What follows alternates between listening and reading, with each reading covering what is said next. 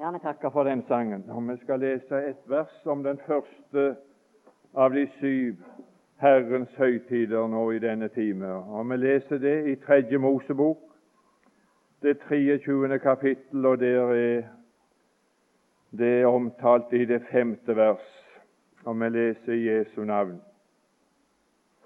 I den første måned, på den fjortende dag i måneden, mellom de to aftenstunder er det påske for Herren, Fader i Kristus Jesus. Vi vil bare anbefale oss fortsatt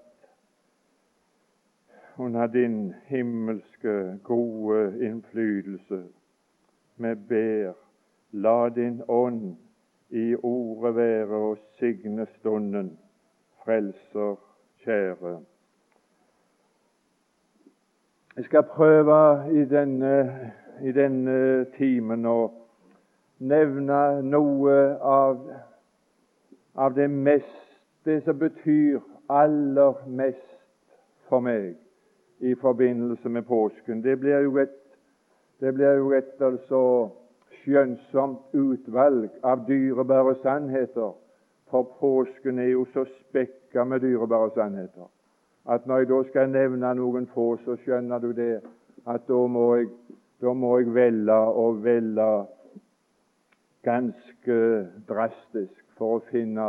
Og da er det spørsmål hva, hva er det som betyr mest for meg i forbindelse med denne høytiden, som er den første som Herren samla og vil samle og har samla et folk og deler samfunn med seg. I den første måneden så er det påske. Jeg vil bare nevne først den historiske betydningen av, av denne høytid. Historisk så var den første påske denne påsken som ble omtalt i 2. Mosebok 12. Vi skal ikke gå der og lese nå, for det har vi ikke tid til. Det har du lest før. Og de som er på bibelkurs, er vel mest kjent av alt i Bibelen i forbindelse med det som har med påsken å gjøre, og da med 2. Mosebok, det tolvte kapittel. Der tror de fleste vet at det, det er kapittelet om påskelammet, påskens innstiftelse for første gang. Og Når det gjelder den historiske betydningen, hva det betydde for Israel å få holde påske i Egypten første gang, så er det bare tre ting jeg vil si. Og det ligger i ordet påske, for ordet påske betyr forbigang. Og for Israel så var det tre ting som gikk forbi. Det var historisk. For dem den gangen så gikk fortiden forbi, og så begynte de på nytt. Denne måned, står det i 2. Mosebok 12, kapittel 12 og vers 1. 2. Mosebok 12, 1. Denne måned skal være eders nyttårsmåned. Og det var ikke nyttårsmåneden før, men den måneden som påskelammet ble valgt ut og ble slakta. Første gangen den måneden ble omgjort til den første måneden. Det ble nyttårsmåneden for Israel. Idet de holdt påske, så begynte de et nytt år. Og da var det gående seks måneder av året. For denne måneden så var den nye måneden var den sjuende måned. Og dermed så, så ble den gamle forbigangen. Og så begynte alle på nytt. Alle begynte.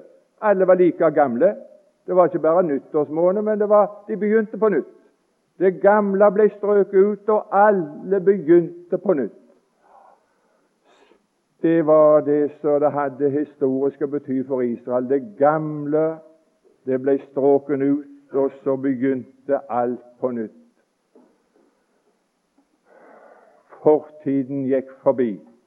Påske skapte fortiden forbi. Jeg skal ikke si mer om det, for vi kan ikke. Det andre jeg vil si som gikk forbi, det var at Herrens dom gikk forbi de som holdt påske. Jeg vil se blodet av påskelammet og gå eder forbi, og intet slag skal ramme eder når jeg slår Egyptens hus. Og dommen gikk Israels hus forbi fordi de hadde påskelam og påskeblod. Det tredje som gikk forbi for Israel Alle som holdt påske i Israel i Egypten, opplevde at trelldommen i Egypten gikk forbi, og de ble ifra den dag de holdt påske, pilegrimer som, som sa farvel til verden, til Egypten, og så begynte de på en pilegrimsvandring til det lovede land. Det var det historiske. Jeg kan ikke si mer om det, for det er ikke historie som interesserer oss mest. Det andre som jeg har lyst til å si, det er den profetiske betydning av påskehøytiden. Og det er at i den historie, i 2. Mosebok 12, ligger der en profeti. Og den profetien det ligger ikke i et lam som skal slaktes og gjentas år etter år, men det lå en profeti om et lam som Gud selv skulle utse seg, som han hadde sagt til Abraham. Gud selv skal utse seg lammet. Og den som fikk oppleve og se det uttatt og utpekt av Faderen, det var døperen Johannes, som jeg har hørt om på dette bibelkurs, som opplevde ved Jordan at en røst ifra himmelen Når Jesus kom og lot seg døpe av Johannes, så kom det en røst ifra himmelen som sa dette er min sønn, den elskede, i hvem jeg har velbehag. Og så sa Johannes, se, det er Guds lam. Da var han tatt ut. Vet du hva det betyr profetisk? Jo, ved, ved at Jesus ble født inn i denne verden, at Guds sønn kom inn i denne verden, så fikk verdenshistorien en ny begynnelse. Det gamle ble stråket ut og forbiganget. Og hver dag og hvert år, når jeg og du leser almanakker, så skriver vi i dag 1982 år etter Kristi fødsel. Vi fikk en ny tidsregning her i denne verden fordi at lammet ble uttatt. Det ble en profetisk oppfyllelse av dette påskelammet. Fortiden ble stråken ut, og vi fikk en ny tidsregning. Det gjorde det. Og det andre som, som i forbindelse med, med, den profetiske oppfyllelse, det er det som vi har lest om at vår, i 2. Korintiabrev 5 at 1. Korintiabrev 5 om at vårt påskelam det er slakta. Jeg skal ikke si mer, verken om det historiske eller det profetiske.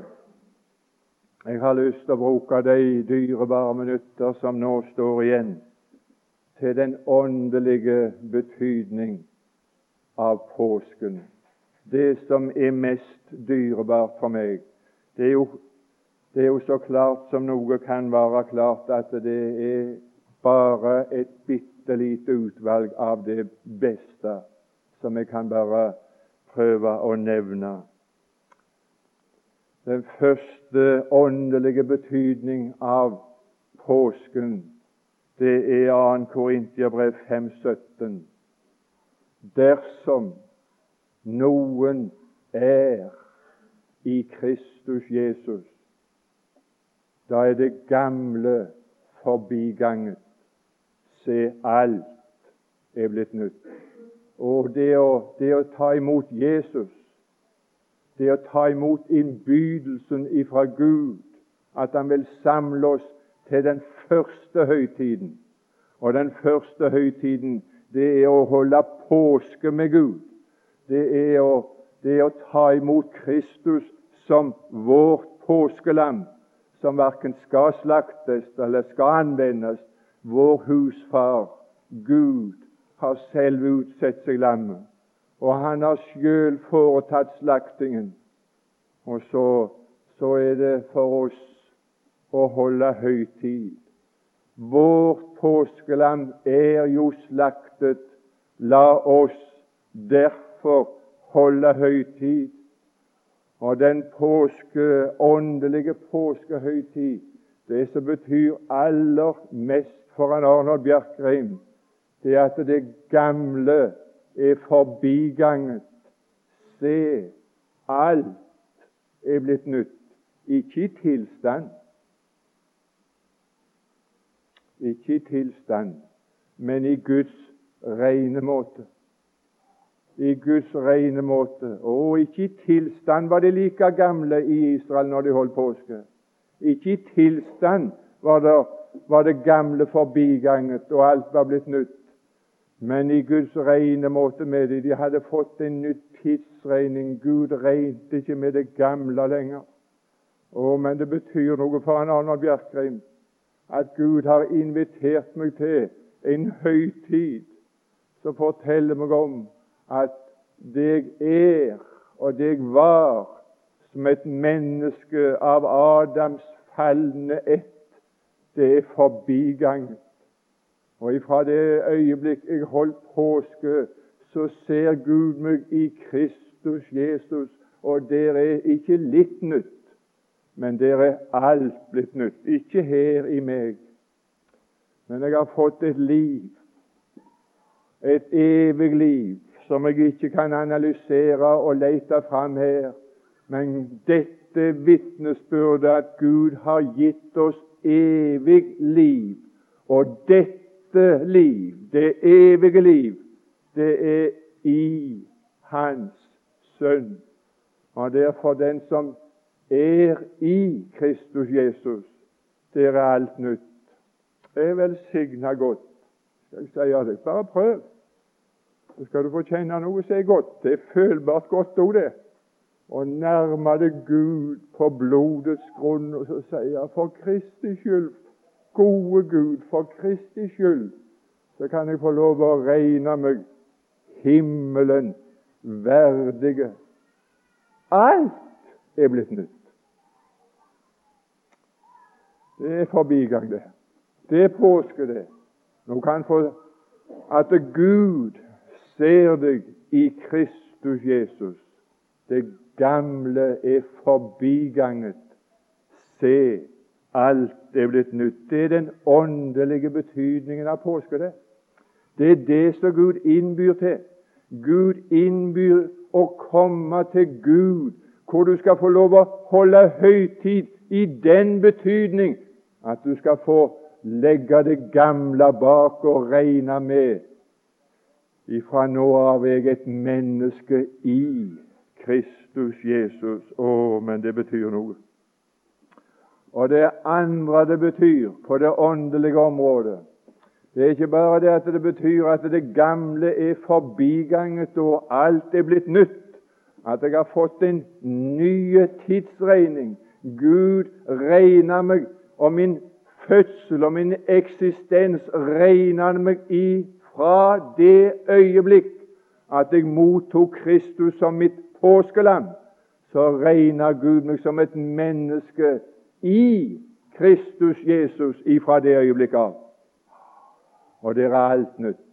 Men det andre som det betyr for meg rent praktisk, erfaringsmessig på det åndelige området, det var at det gir menigheten det gir den enkelte av oss å komme inn i en menighet som består av førstefødte.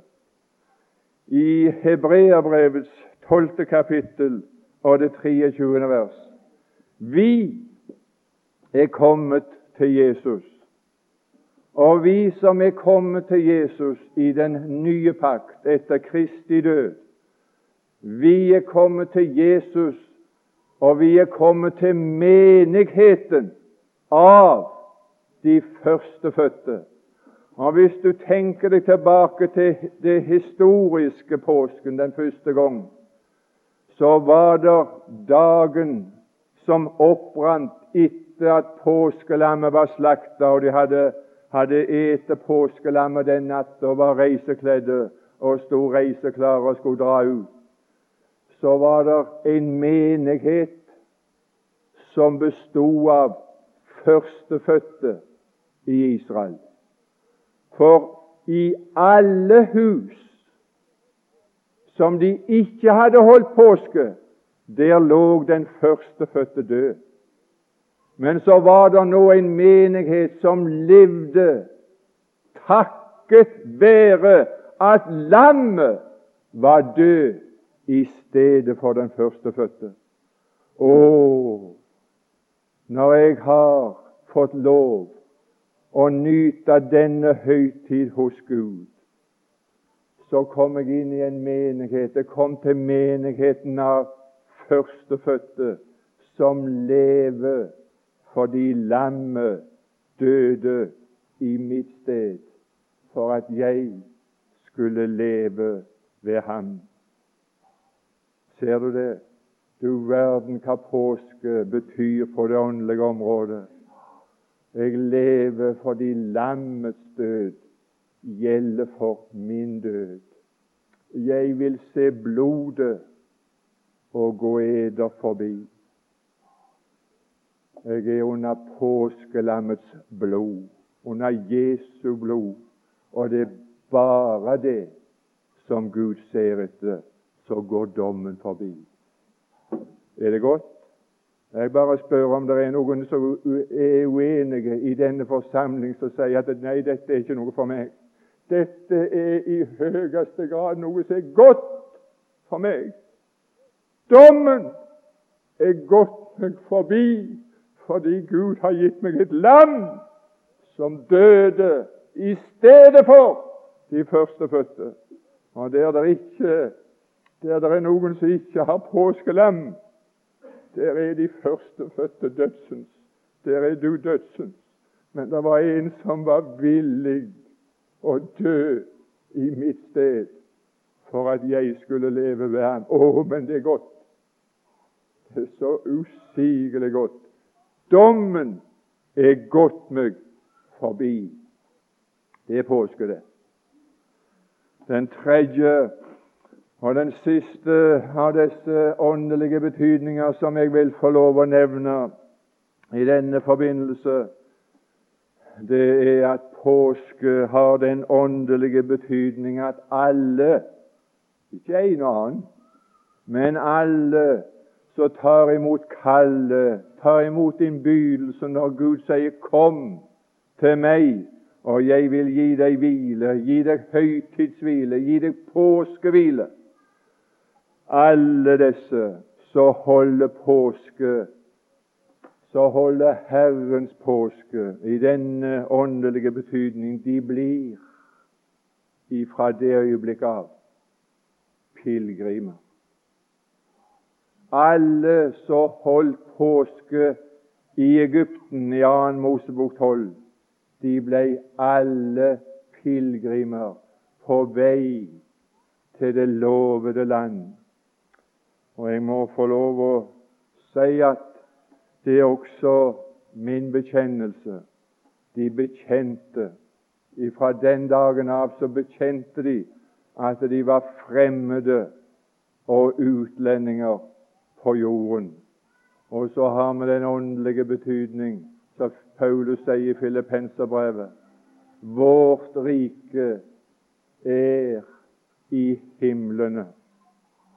Er der vi har vårt borgersamfunn. Nå er jeg på vei til himmelens land.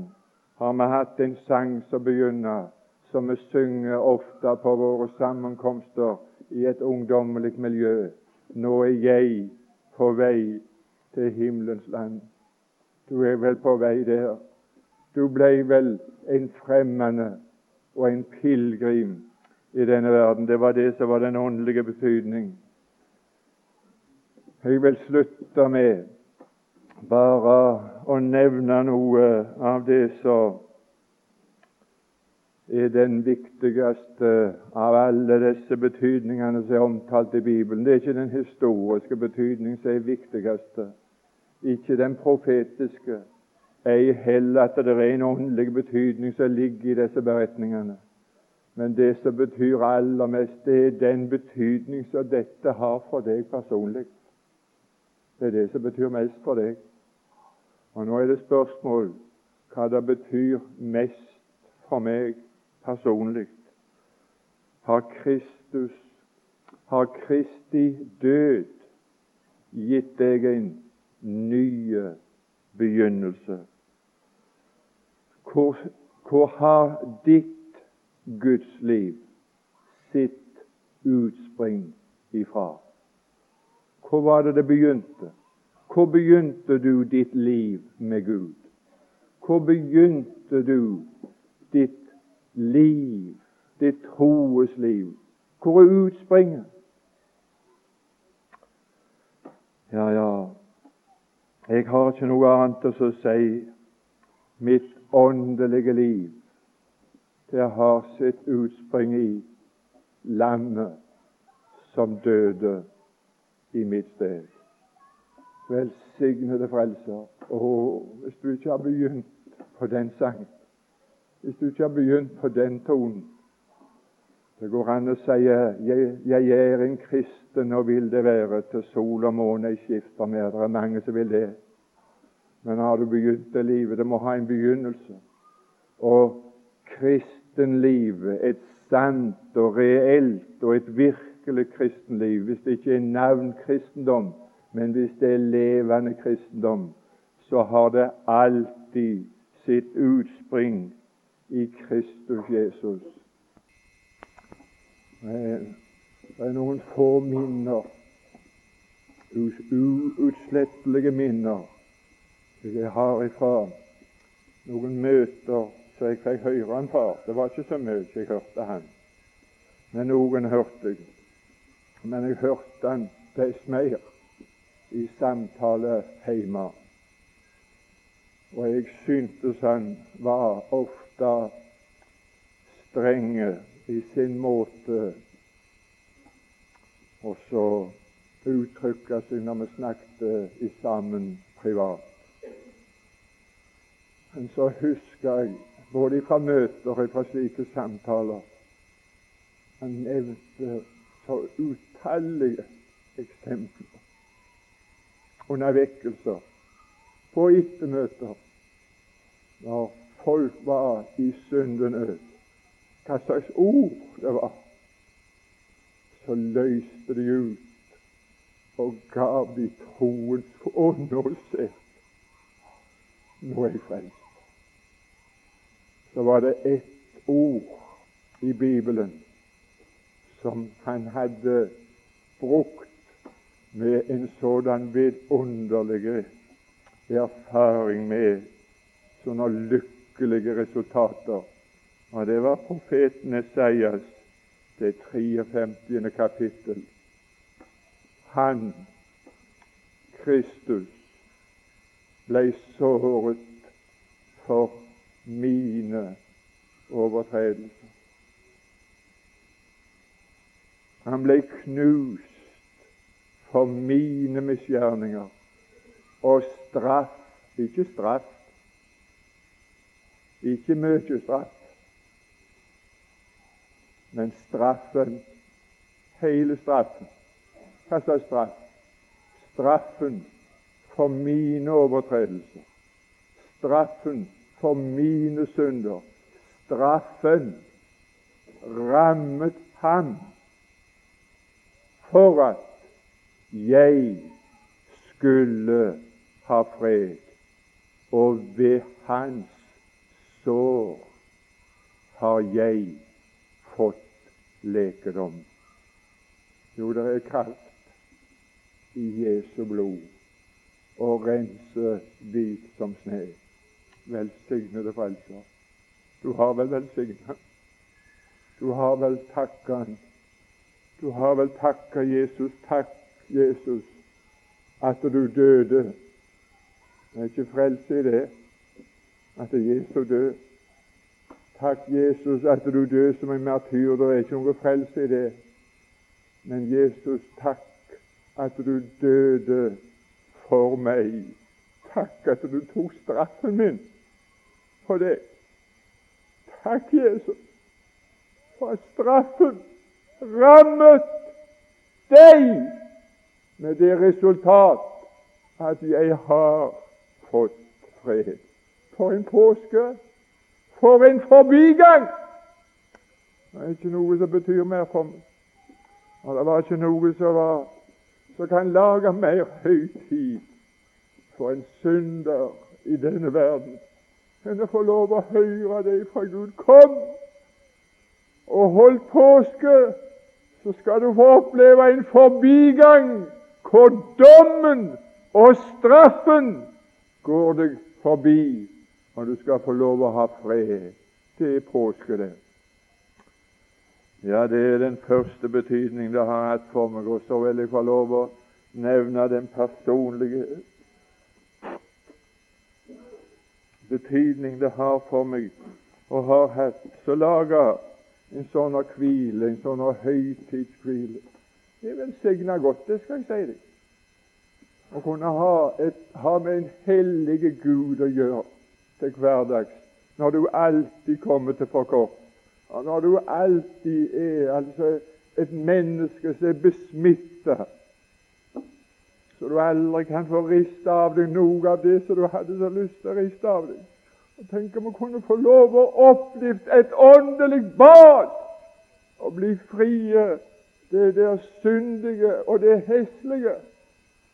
Og så, så går du med det, og så sliter du med det så er det allikevel noe Gud inviterer til som kan gi meg en høytid, en høytidshvile under, under de vilkårene skal seg leve under. Straffen og dommen rammet ham. Det er i den betydning at jeg er frelst. Jeg er ikke frelst ifra synd. Jeg er ikke frelst ifra syndens nærvær. Jeg er heller ikke frelst ifra syndens herredømme i den grad som jeg ønsker, men vet du hva jeg er frelst ifra? Jeg er frelst ifra straffen for den synd jeg har gjort. Det er det som lager høytid i mitt liv. Straffen, den er gått forbi selv i den tilstand og elendighet som jeg aldri kan få vaske av meg her, så får, jeg lov å hvile til daglig i samfunn med en hellige Gud. Straffen rammet han for at jeg skulle ha fred. Det var det første. Og det andre, altså, det var som betyr så kolossalt for meg, så jeg hadde lyst til å dele det var at jeg, jeg opplevde når jeg ble frelst og fikk holde påske, så opplevde jeg å være kommet inn i en sånn menighet som består av slike førstefødte, som ellers hadde vært død, og dødsens, hvis ikke han hadde dødd i mitt sted. I alle andre hus var den førstefødte død i Egypten. Det var bare de som hadde påske, som levde. Å, jeg lever fordi det var en som døde i mitt sted. I Hebreabrevet, det ellevte kapittel og det 28. vers,